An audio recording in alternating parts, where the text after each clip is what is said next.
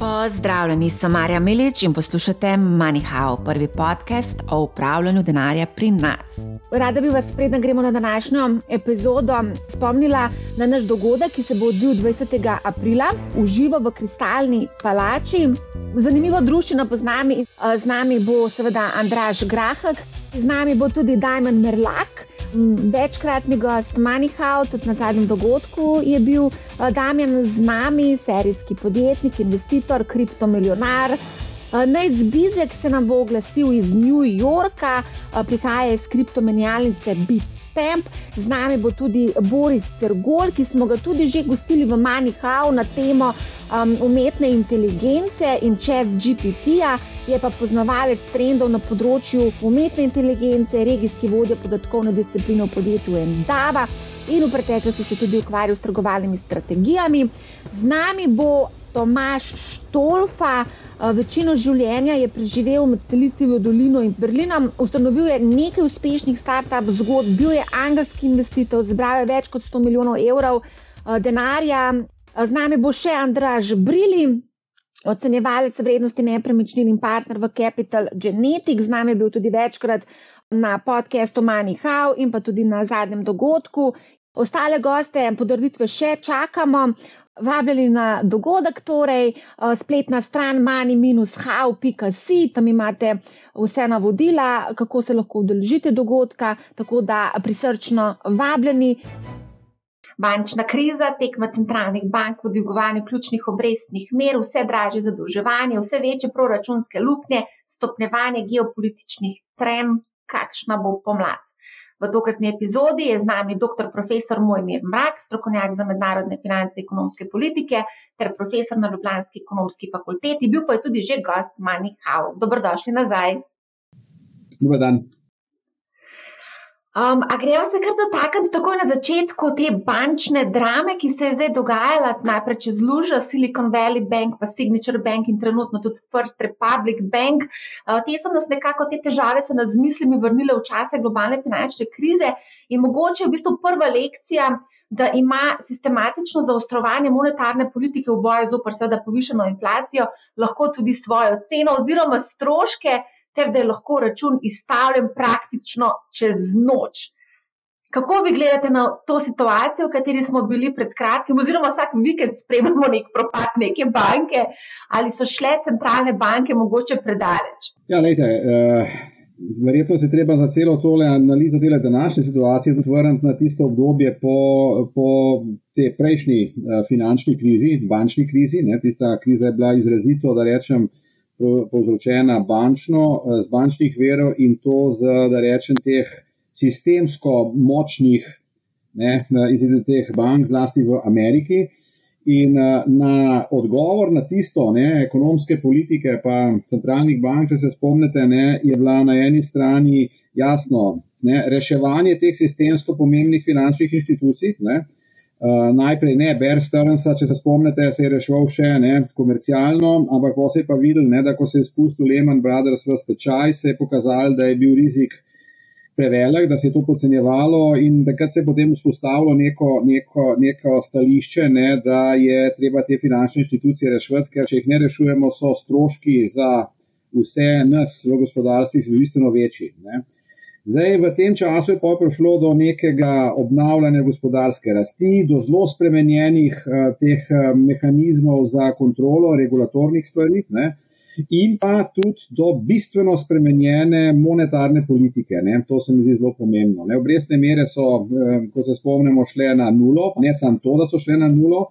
Ne, bilo je še dodatni ukrepi, skratka, šlo je za neko desetletje monetarne politike, za katero je bilo kar že tudi takrat rečeno, ne, da zdaj ta ogromna likvidnost, eh, ki je bila kreirana na ta način, ne, je nekam pač šla. Ne. In um, že takrat so bila neka opozorila, da ne, lahko je to ne, nek, eh, nek vzvod nekih novih kriz enkrat v prihodnosti, ne, ampak vedno rešujemo stvari na kratek, mislim, na relativno kratek čas. No, in zdaj počasi prihaja do tega, kar, kar ste vi v bistvu čist neposredno vprašali. Ne. Zdaj, uh, na eni strani smo, če se spomnite, ne, imeli že pred izbruhom te uh, ruske, rusko-ukrajinske vojne, že povečevanje obrestnih mer, vračanje na neko da rečem tako normalno, normalno pozicijo. Ne? Centralne banke so začele obrestne mere dvigati. Ne? Zdaj, vi ste rekli, da imamo visoke obrestne mere, ne? a vi ste obrestne mere 2-3%, 4, to niso visoke obrestne mere, so pa res visoke v primerjavi z nenormalno situacijo, ki smo imeli v preteklih desetletjih. Ne? In um, točno je, ne, da zdaj to, kar se dogaja, je, da to povečevanje obrestnih mer po dolgem obdobju negativnih ne, ali pa ničelnih obrestnih mer, uh, v tem času so te obrestne mere take, so zlasti banke v Ameriki šle tudi v nek biznis model, ki je temeljil na tem, da so obrestne mere nizke. Ne, In zdaj je prišlo do tega, da so se te obrestne mere začele povečati, in to je bil neposreden povod, recimo tole, kar se je dogajalo v Ameriki, v ta eh, banka v, v Kaliforniji in pol tudi to, kar se zdaj prenaša. Ne. Zdaj, kaj je, bistvena, kaj je bistven problem, vsaj potem, ko ga jaz zdaj le vidim, ne, pa nikako ne mislim, da zdaj le že vemo, kaj se nečistočno dogaja, ker je po mojem so stvari zelo zelo zapletene. Lete, jaz mislim, da so regulatori relativno, um, kako bi rekel, celovito pristopili reguliranju teh največjih bank. Ne. So pa po drugi strani uh, pustili izven neke zelo poglobljene kontrole uh, druge banke, to zlasti govorijo o Ameriki, mislim, da je ta problem v Evropi manjši. Ne. Uh, v Ameriki so poleg te velike kontrole teh osrednjih bank, manjše banke, ne, uh, postale ali pa so ostale precej izven te poglobljene kontrole. Jaz ne rečem, da ni nobene kontrole, ne? ampak izven poglobljene. In ta banka, ki je propadla, je bila ravno v tem sklopu. Tukaj bi jaz zelo rad omenil še eno stvar, ki se nam verjetno vali. Kot vidite, zdaj se depoziti valijo kam? Ne? Depoziti se valijo v Ameriki izven bančnega sistema ne? na ta denarni trg. Ne? In kje so razni ti Blackstone, Apollo in tako naprej. Ne? Te so bili tradicionalno izključno na tem eh, lastniškem trgu, private equity. Ne?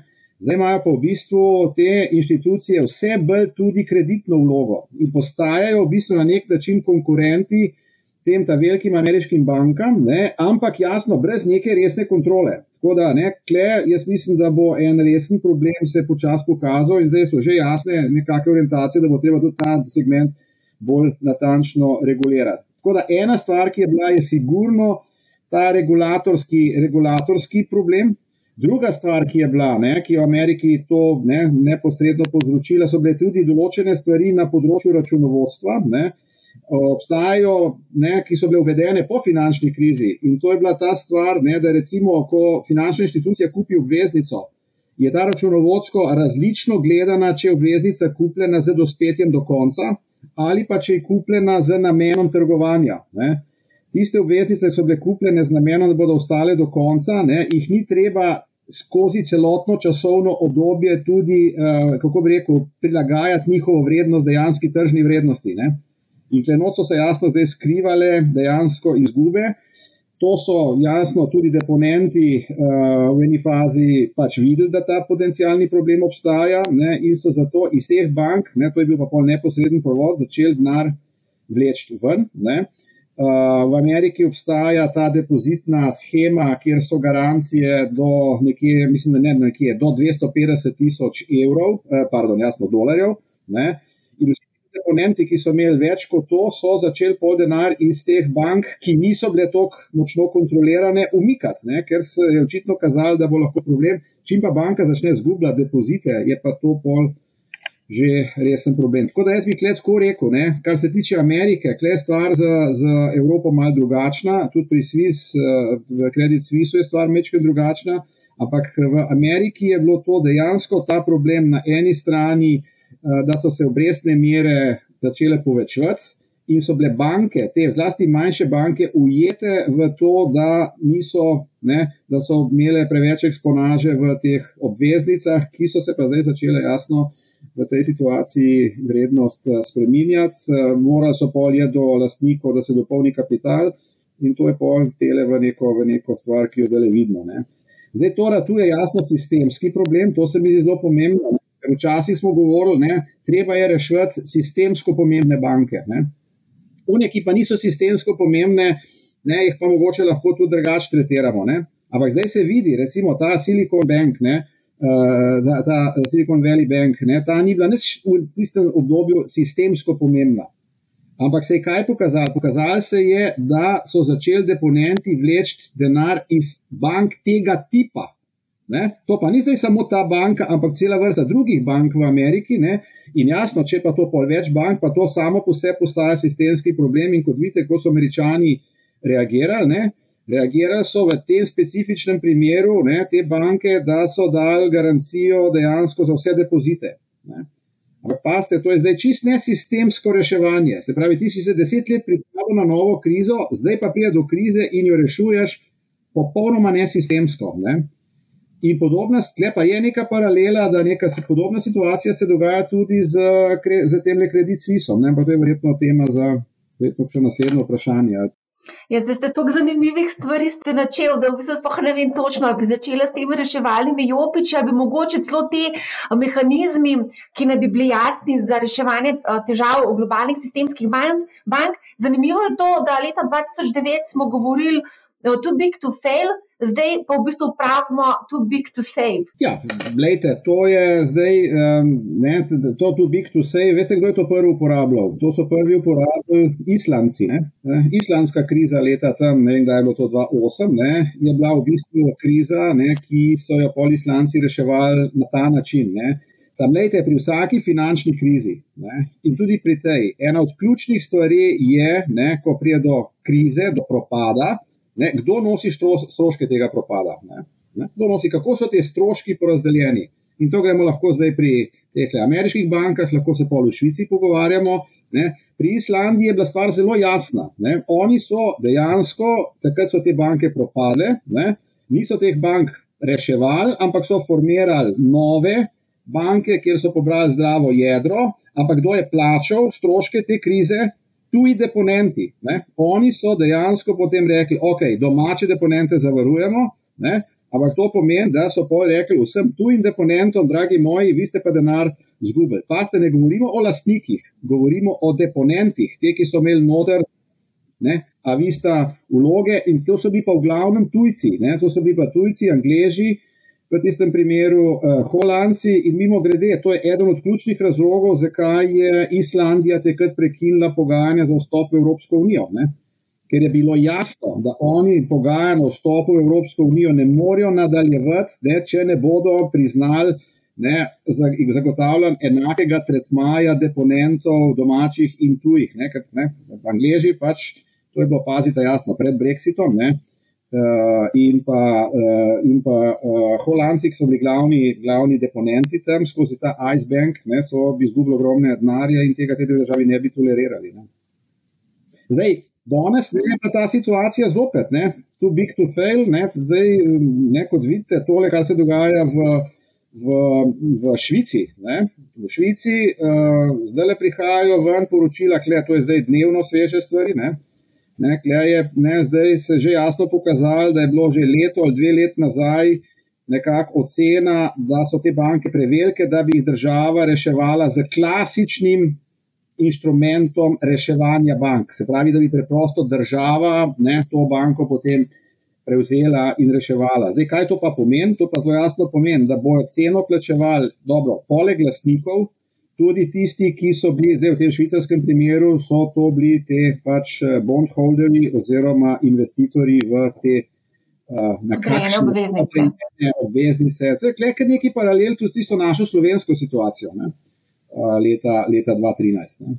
Ja, se to je zanimivo, da je v bistvu Švicarska agencija za finančni nadzor v bistvu zahtevala izbris teh podrejenih obveznic, ampak ta ukrepe pa spremljala tudi podelitev likvidnostnega posojila. Uh, Je treba biti nekaj bolj natančen. Ne? Uh, švicarski regulator je to dobo uh, na osnovi ne, nekega emergency zakona, niti ne zakona, u, u, ukrepa, uredbe, ki je bil sprejet preko vikenda ne, in ta ukrep je regulatorju nalagal, da to od banke zahteva. Ne. Se pravi, v tem konkretnem primeru je regulator realiziral tisto, kar je bilo pač dogovorjeno na nivoju države, vse v teh dogovorih je regulator sodeloval. Uh, sam imamo zelo nenavadno situacijo, tole v Švici. Jaz mislim, da odpira celo vrsto problemov, na katere jaz mislim, da je danes več vprašanj kot uh, odgovorov. Ne? In uh, mislim, da bo to tudi pomenilo za regulatorje eno zelo novo, novo situacijo. Ne? Uh, poglejte, vi imate pri ne, kako se je ta, ta uh, Credit Suisse reševal. Ne? Formalno se je reševal na tržni način, ne? da ga je prevzela ena druga banka. Jasno, ta druga banka ga je prevzela tako, ne, da je imela v bistvu, da rečem tako, ne, pištolo na sencih, da jo more prevzeti. Ne. Eh, je pa res, da je pol tudi regulator tej banki pač pomagal s tem, kar ste že vi rekli, z nekimi likvidnostnimi stvarmi, ne. in po drugi strani ne, tudi z praktično določeno ceno za delnice. Ne.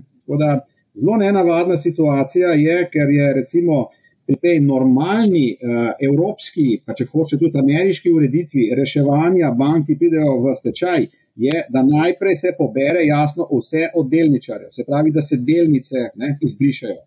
Ne. Potem drugi nivo so potem drugi inštrumenti. Kle ta logika ni bila spoštovana, kle si ti zdaj v bistvu izbrisal najprej terjatve iz naslova teh obveznic podrejenih. Medtem ko so delničari en del delnič, svojega kapitala obdržali. Ne? Tako da je bil ta tak, tak, tak, tak, tako imenovani vrsten red, ne? Je bil tukaj zamenjan ne? in to je, po mojem, zdaj en velik presedan, ki bo, po mojem, tudi naprej. Ne? Uh, Se predvsej o njem razpravlja, je pa ena stvar, ki je mogoče malo manj uh, poznana. Ne? Vse te obveznice, ne? uh, teh 16 milijard, so bile obveznice, ki so bile izdane po švicarskem pravu. Ne. Dragi moji, če imaš ti obveznice, ne, izdane v pravu države, kjer se to dogaja, potem ima jasno tudi, kje država objektivno večjo moč, da tem deponentom. Kajšno stvar uh, nam, nam reko naroči, ne? ampak lažje izvede, kot če bi bilo to recimo New Yorksko pravo ali pa angliško pravo. Ne? Če si pogledate, vi recimo naše obveznice, ne, ki Slovenija kupuje, ne, ni nobena obveznica narejena po pravu Republike Slovenije. Ne, ne. Skratka, to vam hočem reči, ne, da po katerem je obveznica izdana, je hudičevo pomembno v trenutku, ko pride do problemov. Ne. In če imaš ti obveznice izdane po nacionalnem pravu, je tvoj manevrski prostor večji, kot če je to delano po mednarodnem pravu oziroma pravu tujih držav. Ne? In pri majhnih državah je to več ali manj vedno tujo pravo. To je spet ena, ena šola za ta male. Ne? No, se to, to sem jih hotela vprašati, zdaj je to res ful aktualno. Mali delničari dobesedno stojijo v vrsti za nakup obveznic državnih. Videli smo v Belgiji, Španiji, na Hrvaškem, to je bilo res kar gruča ljudi, so se dobesedno zagnali za te obveznice, sploh v Španiji so to lepo slikali, imamo slike tudi ne.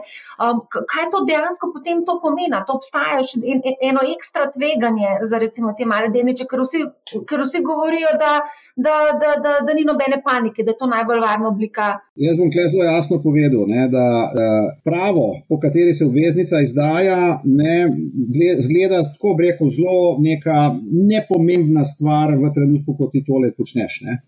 Rata pa hudičevo pomembna v kakšnih to vrstnih problemih. Ne. In uh, v tisti situaciji, ko, se, uh, ko prije do bančne to vrstne krize, ne, potem pa lahko to, ne, ali je obveznica izdana po, na osnovi tujega prava ali domačega prava, postane zelo pomembno. Jaz sem vam dal en primer, ki ni tako blazno daleč nazaj, to so grške obveznice. Ne. Grške obveznice, takrat, ko je prišlo do tega propada v Grčiji, ne, je bilo en del tistih obveznic, ki jih je Grčija pač izdajala, bila izdana po nacionalnem pravu. Po nacionalnem pravu. Ampak kaj so pa naredili ne, v Grčiji? to nacionalno pravo so spremenili in retroaktivno stvari uporabljali. Se pravi, so oni so v bistvu prekršili dogovore, sem ti lahko v svoji državi nacionalno pravo spremeniš. Ne? To bojo tudi švicari naredili. Švicari bojo imeli zdaj naslednji teden sejo parlamenta, ne, ker zaenkrat je to v bistvu vladina uredba. Ne, tako mal, mal karikiramo, ampak ne, bojo to naredili kot, uh, uh, kot, kot bi rekel, kot odločitev parlamenta. Ne, In eh, se zelo jasno kaže, ne, da sovereign, ne, državne stvari ne, v tem primeru postajajo bolj pomembne, kot so pogodbene obveznosti. Ne, to je stvar, ki ne mogoče jo ni fajn slišati, ampak tako pač to je. Ne. Ne, to je super slišati, o tem se je treba pač govoriti, ne glede na to, da pač to postaje zelo aktualna tema. Uh, mogoče sem to zdaj, ko govorimo o Švici, mislim, Švica je zakuhala kar nekaj finančnih, ne bom rekla škandalov, ampak kar nekaj težav, kar nekaj težav je bilo v preteklosti, ki so izvirale v bistvu iz Švice. Kaj se dogaja v Švici? Uh, zdaj, dokler je bil tečaj švicarskega franka do evra bolj ali manj nespremenjen, ne, potem je ta stvar, bi rekel, ok, funkcionirala. Ne. Problem pa je prišel po leta 2011.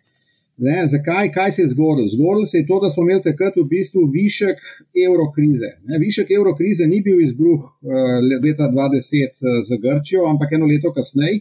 Ne, in zdaj jasno, ker je bila evrocona v krizi, je začel kapital iz evrocone bežati. Ne.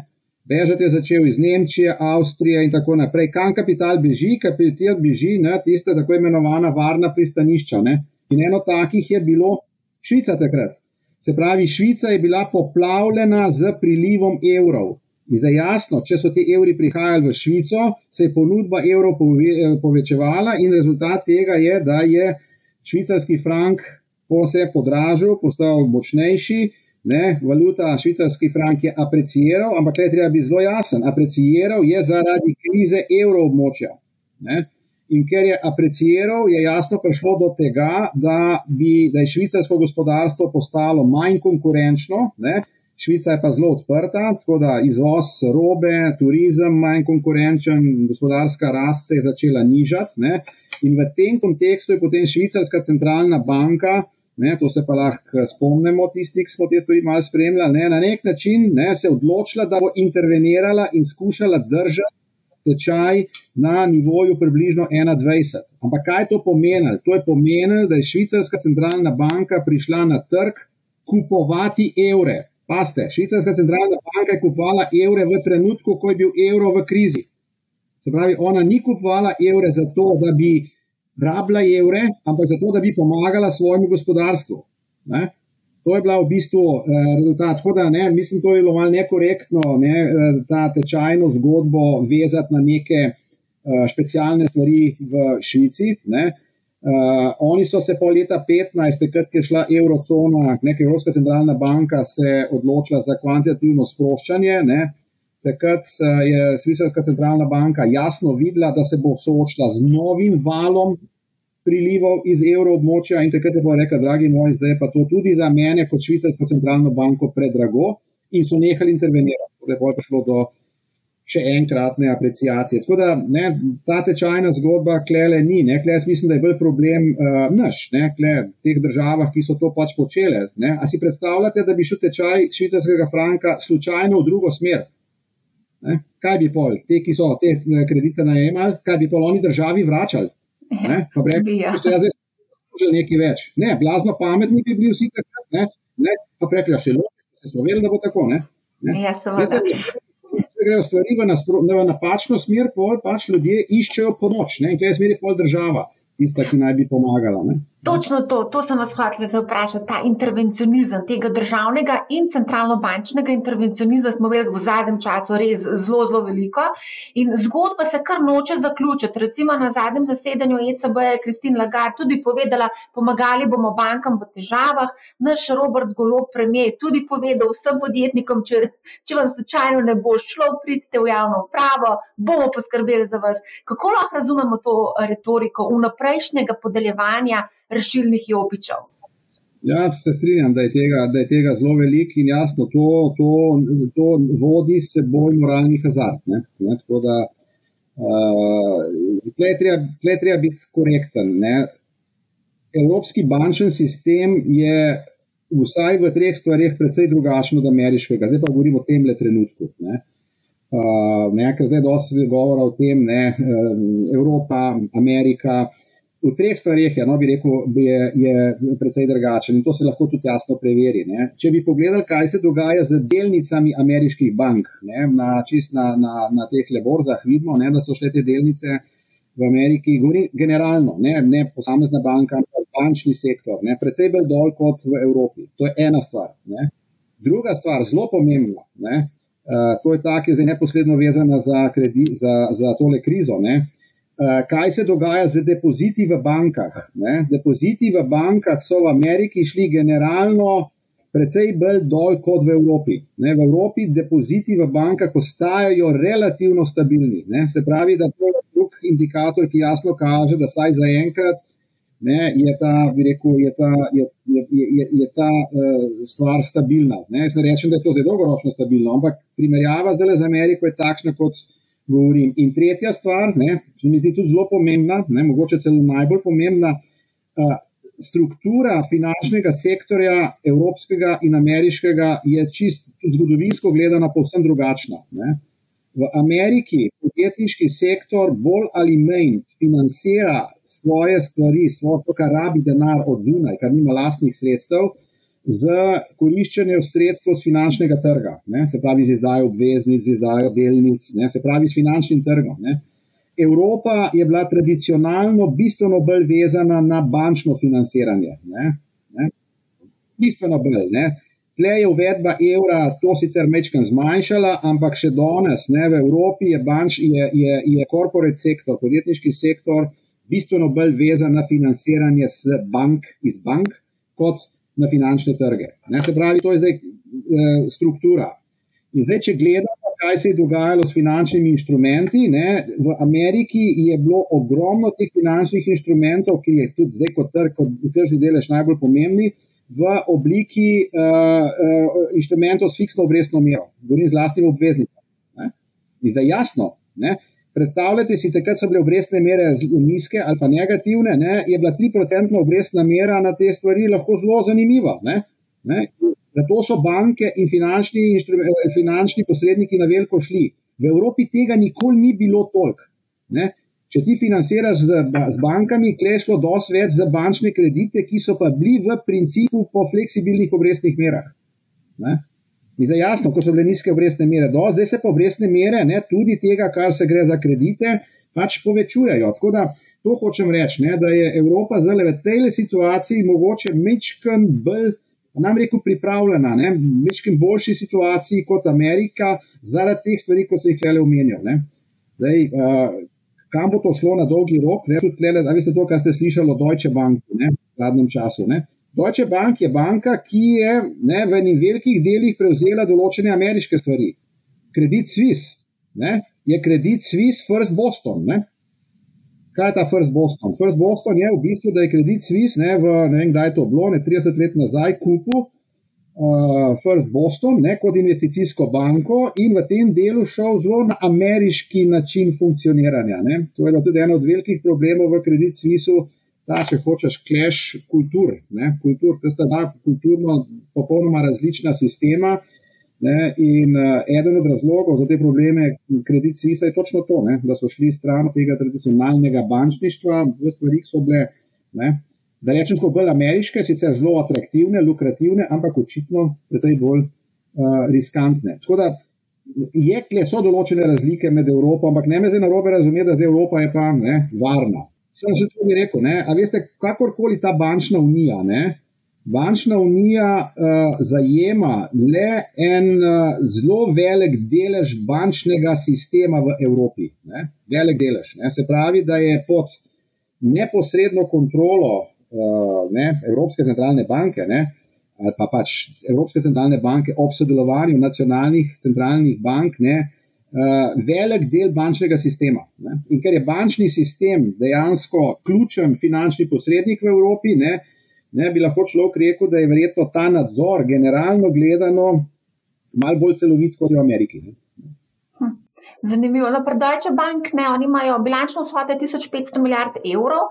Najbolj pa razbur je ta izpostavljenost banke na področju izvedenih finančnih inštrumentov, ki nam bi znašla kar 42 tisoč milijard vrednosti različnega premoženja.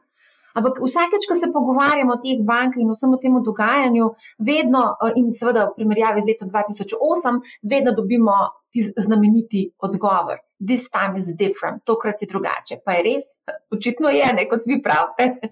Ne, mislim, je, razlogi bodo drugačni, ampak zopet imamo problem z regulacijo. Ne? Ne? Eh, v tem primeru imamo tudi problem. Zdaj pa ste ne me narobe razumeti regulacijo tega, da tiste, ki smo jih zdaj natančno nadzirali, to je v redu. Samo očitno v Ameriki so izpustili iz nadzorovanja en velik segment, kamor so se pa potem po finančni krizi stvari, da rečem, tako selile. Ne? Ker jasno, ne? biznis želi biti manj pod kontrolo, ker če poslušate tudi naše bankirje, ne? Ne, kaj zahteva regulator od njih, ne, to so ne, dejansko velike zahteve, eh, to so tudi stroški, končno. Uh, ampak ne, jaz vendarle mislim, da je evropski finančni sistem zaradi tega, ker je v, meli, ker, ker je v večjem deležu bančen, verjetno danes pod boljšo regulatorno kontrolo kot, kot v Ameriki. Zdaj smo imeli Evropa, ZDA, mogoče tukaj vseeno lahko omenimo tudi zaostrovanje pač te retorike. Praktično vsak teden lahko spremljamo, kako v bistvu se zaostruje retorika na relaciji vzhod-zahod. Od Putina mogoče nekako lahko rečem, da redno odvija to eskalacijski ventil, medtem ko zadnja poteza njihova je bila napoved namestitev taktičnih nuklearnih raket v Belorusiji.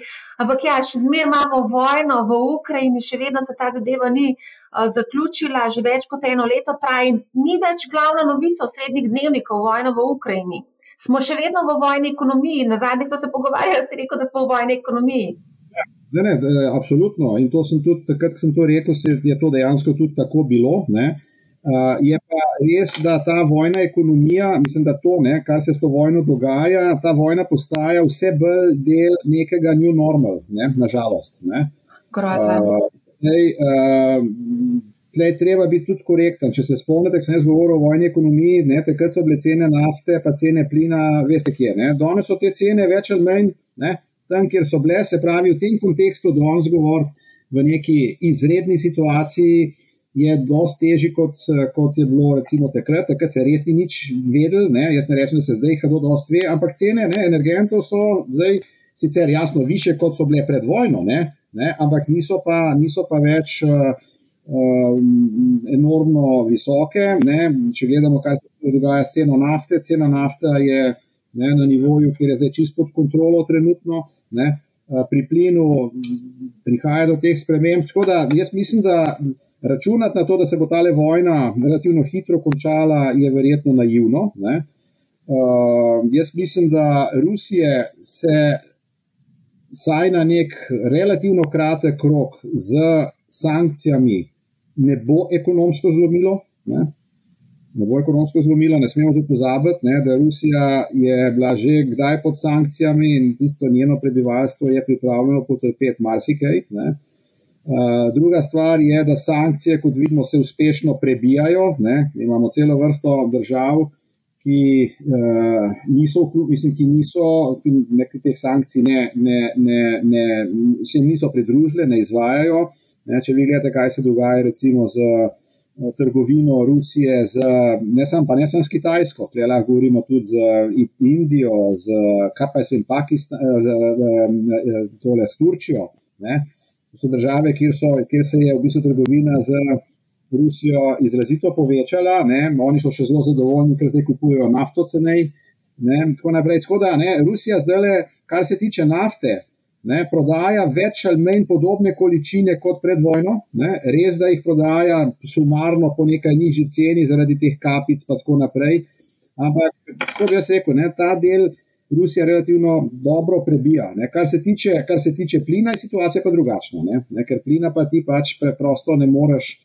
Uh, ne, dokler ni teh plinovodov uh, iz Rusije, kam drgem, ga pač ne morejo izvažati, zaenkrat jih imajo samo v Evropo. Ne, tako da, kle, je verjetno to še vsaj pet let, eh, ne, bo, ta, bo ta odvisnost, če hočete, Rusije od izvoza plina v Evropo, uh, precej, precej visoka.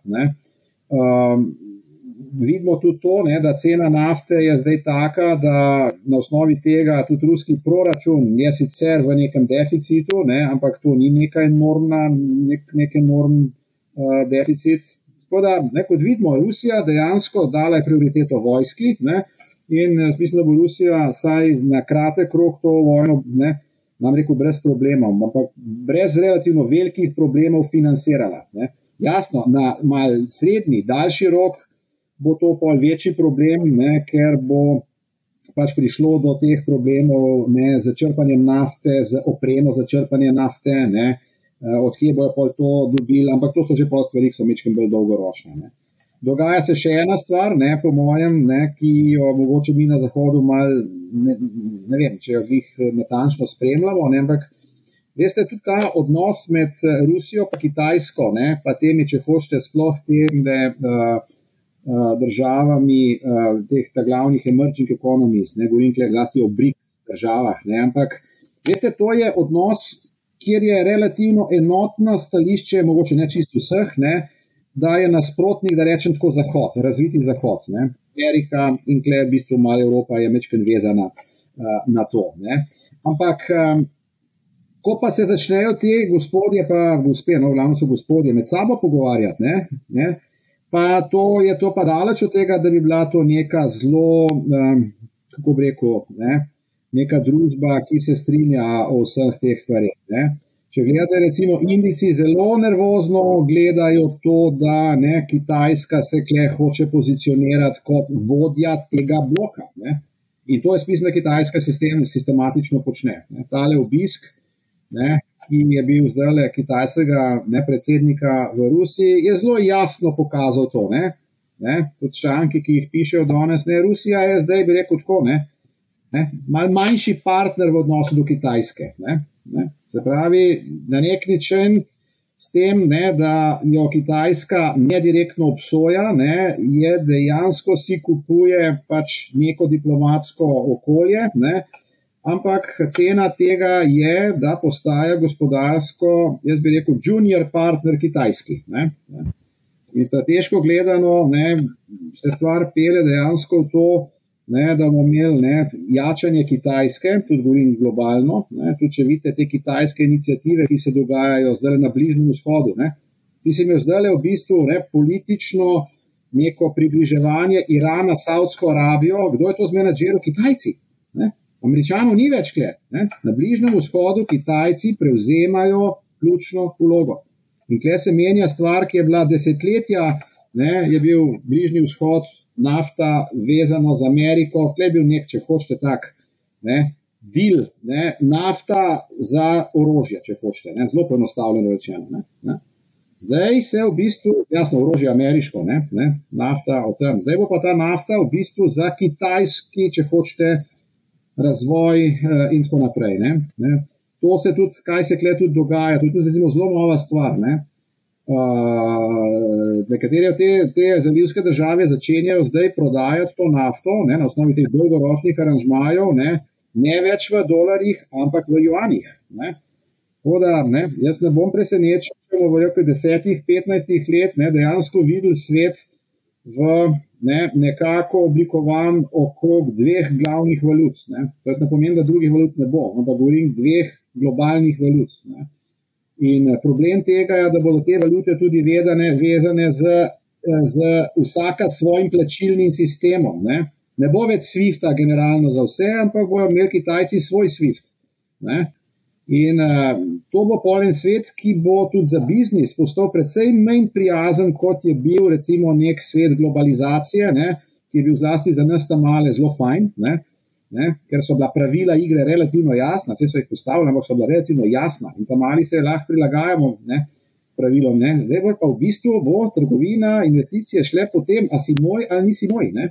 Ne, ne. Se pravi, dosti bolj bo ta, ta element, ali, ali boš kle, ker če boš kle, ne boš mogel biti na drugi strani. Ne, da se bo šel na tak način izključevanja.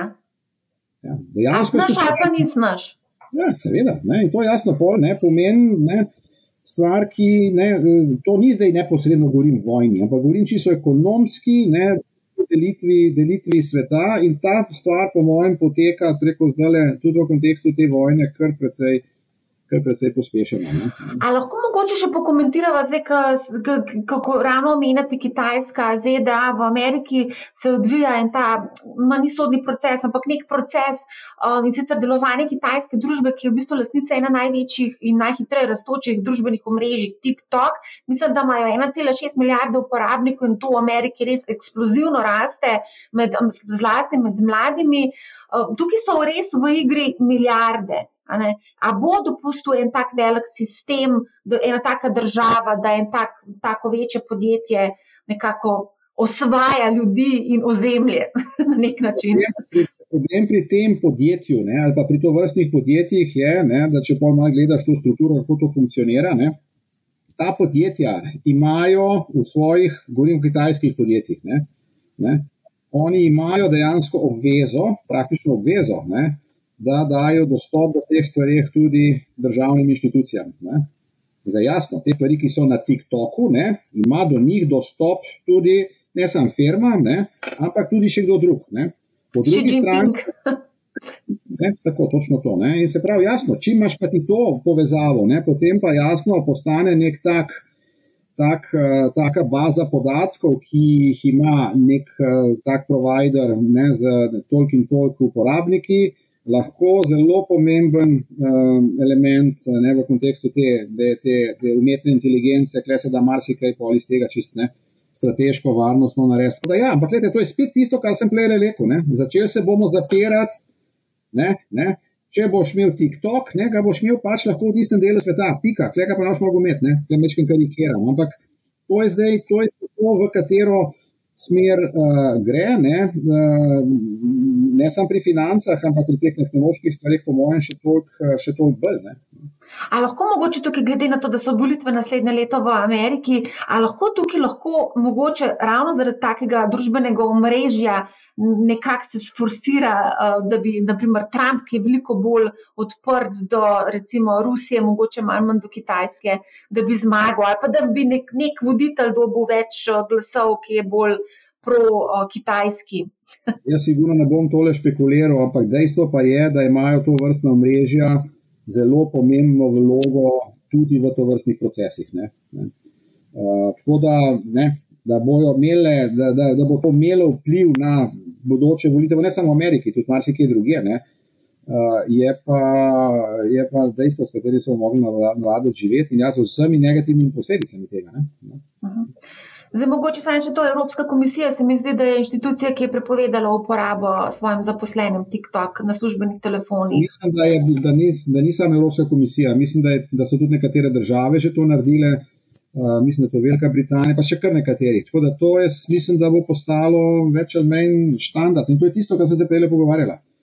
Ne? Preprosto ti, ti boš s temi podatki, ne? Ne? te podatki ni nujno, da ustajajo na korporativnem nivoju. Ne? Ne? Paste, ker to imajo te kitajske firme v bistvu kot obvezo. Ne? Tako da tle ne gre zdaj za. Ne?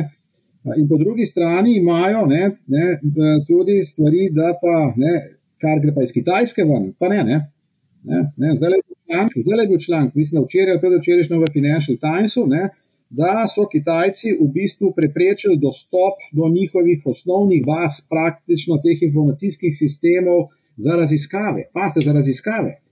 Ne? Ker so bili recimo notri vsi časopisi od leta 15, ne, naprej, 1915, ne, se pravi, da so ali, lahko ljudje raziskovali, ne, da raziskovalcem ne pustijo dostopa do, če hočete, osnovnih informacij o Kitajski. Ne, si predstavljate to? Noro. Ampak drugače, če zlužo v Ameriki, pa pravijo, da v bistvu si nobena politična stranka ali pa nekak uh, voditelj ne bi držal prepovedati TikTok, ker bi to pomenil pač revolt mladih, ker to je pa res med mladimi zelo razširjeno. Tako da to je tudi v bistvu neko politično vprašanje ne, pod črto preživetja na, na trgu. Um, a gremo, ker se vam mečkam mudi, bi pa vsem rada samo še eno zadevo. Uh, Svetovna banka ravno danes je prišlo poročilo Lučeri, da bo povprečna potencijalna svetovna gospodarska rast do leta 2030 upadla na najnižjo raven v zadnjih 30 letih. Ne? E, in sicer na 2,2 odstotka. To so pa tudi označili kot izgubljeno desetletje za svetovno gospodarstvo in potencijalne težave za te vse te plane povečanja ponudbe dela, eh, delovne sile, produktivnosti, zelenih naložb in podobno. Ne. Kaj to pomeni za ta napoved Svetovne banke? Lejte, jaz mislim, že, že eh, mi smo se srečevali s temi nižjimi napovedmi ne, za naslednje desetletje, že v kontekstu COVID krize. Ne. Uh, ker je bilo jasno, da COVID kriza ima dolgoročne ne, implikacije na to. Ne. Uh, nekateri deli sveta, ki govorim, zlasti Evropa, ne, pa tudi v kontekstu te energetske krize. Ne, ker ta energetska kriza, oziroma da, rečem ta ruska, ruska rusko-ukrajinska vojna, ne, ima na nekatere zelo negativen vpliv, to je predvsem Evropa, ne, na nekatere pa eh, tako pod črto gledano. Ne, celo pozitiven vpliv. Ne. Govorim recimo v Latinski Ameriki, ne. razlog je klej čist preprosto v tem, da so še cene, cene hrane gor ne. in ker so te države nekatere predvsej pomembne izvoznice hrane, je to bilo za njih neto, neto plus. Ne. Ampak generalno gledano je ta, točno to, kar pravite, ta projekcija je, ne, da bo ta gospodarska rast uh, nižja. Ne.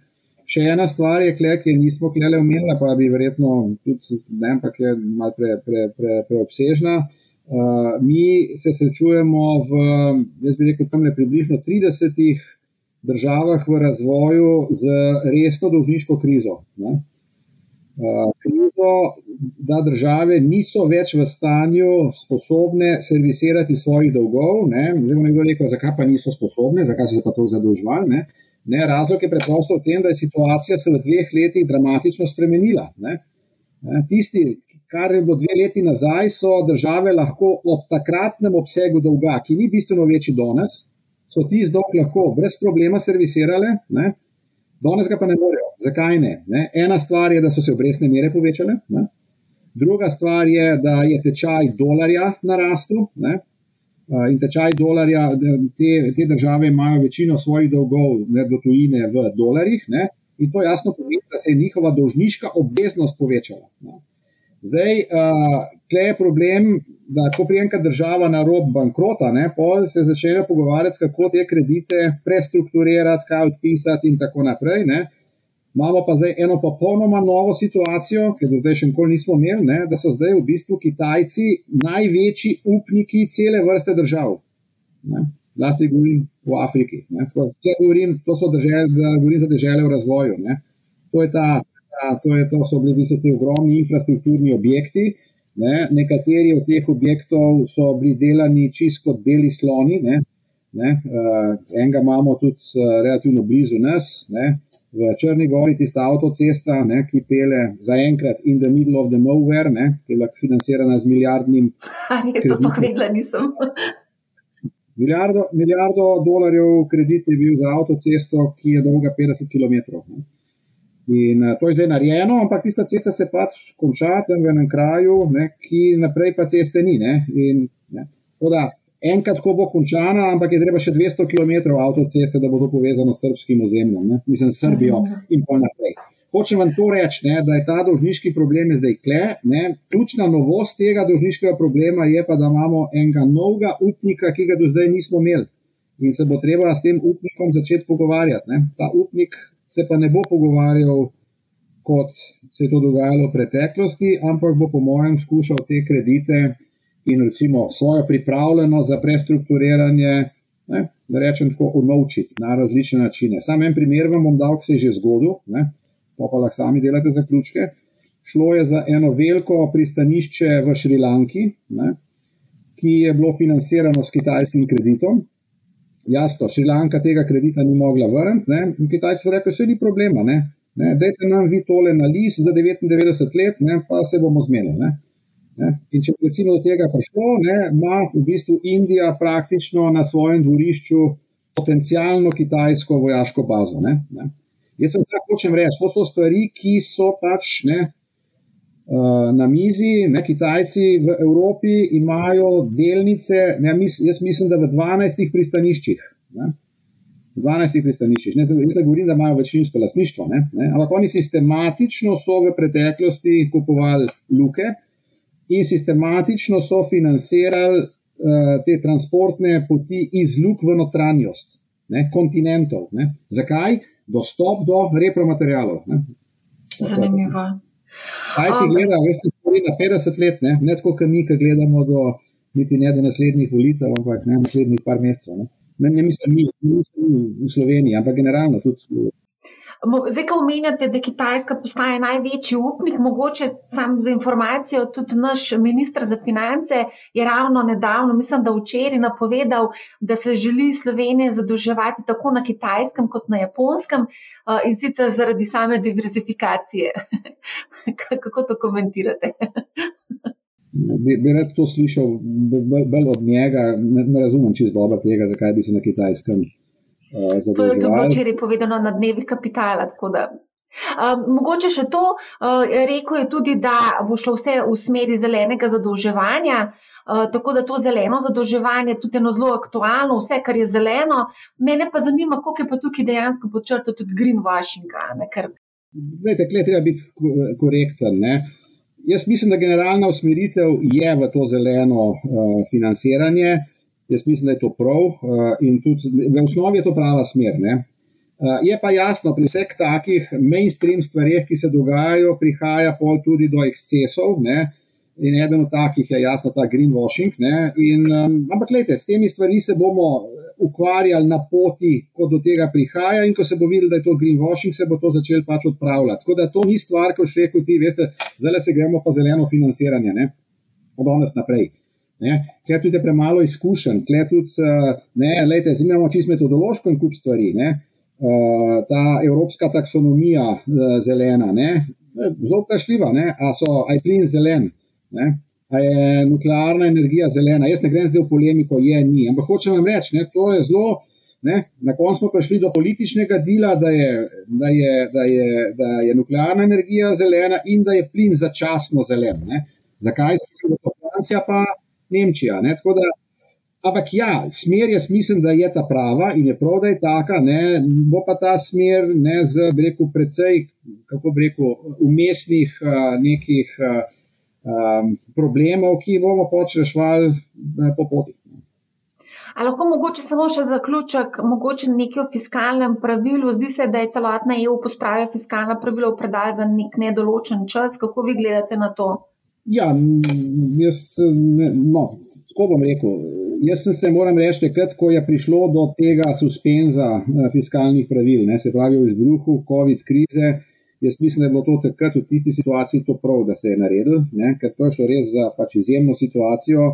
Ne, spomnite se takrat marca, ne, ko je bilo vse zaprto in tako naprej. Tist, ne, tist, ne. A veste, ko gledaš pa stvari nazaj, izmeri jih ocenjuješ z današnje perspektive, vse je bilo vse v redu. Ne, ne. Ampak takrat je bilo to, jaz mislim, prav. Jaz imam bolj problem s tem, da smo pol to vračanje na normalizacijo kar odlagali. Ne? Najprej smo ga odlagali z, jasno, z to COVID krizo, ampak pa smo ga odlagali z ukrajinsko krizo. Ne? Ne? Jasno, zdaj bomo imeli lahko fajn razlog, da ga odlagamo zaradi neke finančne krize, ne? Ne? ampak če ne bomo mi prišli nazaj v Evropski uniji na neka fiskalna pravila, ne? potem nas bojo začeli enostavno trgi. Uh, trgi uh, prisiliti v to, da bomo imeli probleme. Ne? Ne? Enostavno, brez fiskalnih pravil uh, bomo, se bo naš dostop, tudi naš slovenski, ne, na teh trgih začel, začel slabšati, ne, slabšati, kar pomeni dražiti. Ne? Jaz ne bi hotel špekulirati o čem, o čem drugem. Zdaj, jasno, čim pa, jaz mislim, da tudi to soglasje, da se treba vrniti na fiskalna pravila, obstaja, ne, tudi na nivoju EU-ja. Ne, tudi jaz mislim, da še, en, še vedno je ta komitment, da bi se na nova fiskalna pravila prešlo z letom 2024. Um, komisija je pripravila svoj koncept, kako, kakšna naj bi bila nova pravila, ker je, ne, mi se ne moramo preprosto vrniti na tista pravila, ki so veljala pred izbruhom COVID-a. Preprosto zato, ker v današnji situaciji niso več um, realna. Ne? Da vam dam samo en primer.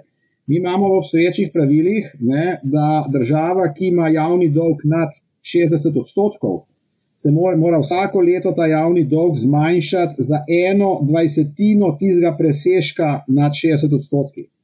In zdaj si predstavljate, če imam jaz recimo javni dolg 70-80 odstotkov, pol je ena dvajsetina to tistega viška, ne, nekaj, kar je možno realizirati, kar je možno narediti, kar je doable. Če pa tvoj javni dolg je 50%, pa ti ne moreš v bistvu ene dvajsetine narediti v enem letu, ker je preprosto to preveč. Zdaj, če bi ti sprejel taka pravila, je jasno, da si sprejel pravila, za katere danes veš, da so neverodostojna. Ne? In zato je v bistvu jasno, da je treba pravila spremeniti. Ne?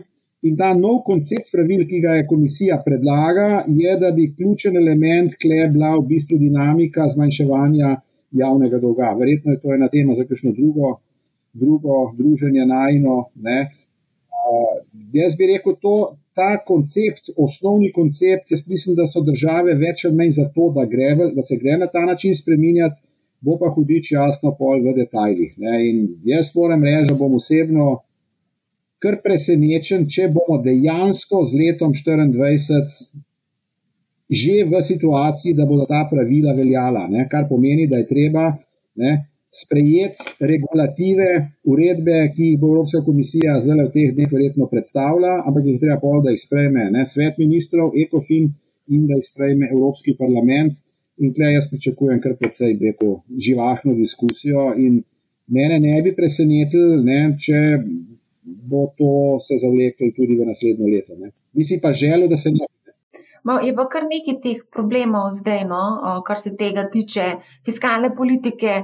Tudi konec koncev, če pogledamo samo Slovenijo, ukvarjamo se z v bistvu korekcijo plač v javnem sektorju, medtem ko, ne vem, mogoče pokojninska blagajna je tista, ki je kritična, zdravstvena blagajna je tista, ki je kritična. V, v Franciji gledamo dobesedno spopade na ulicah zaradi tega, ker hoče podaljšati delovno, do, delovno dobo na, na 64 let. Ne to se zdi kar tako, no, da gremo v ene take zelo take težke čase. Ja, ja, absolutno, se strinjam. Se strinjam to je pa tudi posledica tega, ne, ker, so, ker je, smo imeli na to, eh, tudi na fiskalnem področju v zadnjih letih, tako rekel, malo divjega zahoda, ne, ne, nobenih omejitev. Ne, spomnite se, predsednik vlade je, kako bi rekel, prostodušno za Anšle Brdo rekel, ne, da mi smo šli zavestno v letošnjem letu v velik proračunski uh, primankljaj, zato ker, ker uh, še ne veljajo fiskalna pravila. Ne. To tudi, če je res, ne, je po mojem nespametno, da je rekel. Kajšno stvar je mogoče boljš ne reči, ne, čeprav pač misliš in mogoče tudi točno to, kar je rekel. Ne. No. Ja, jaz pač čisto razumem, gospoda Roberta Goloba, pozorno poslušamo in prav zbiramo uh, seznam njegovih cvetk, izjav, teh je kar, že kar nekaj, no, iskreno povedano. Um, gospod profesor Mojmir Mrak, najlepša hvala, da ste se vzeli čas za pogovor. Zmeraj je res užitek vas poslušati. Tako da iskrena hvala. Dragi gledalci in poslušalci, tudi vam hvala za pozornost. Poslušajte, manjhav, ne bo vam žal in lep pozdrav.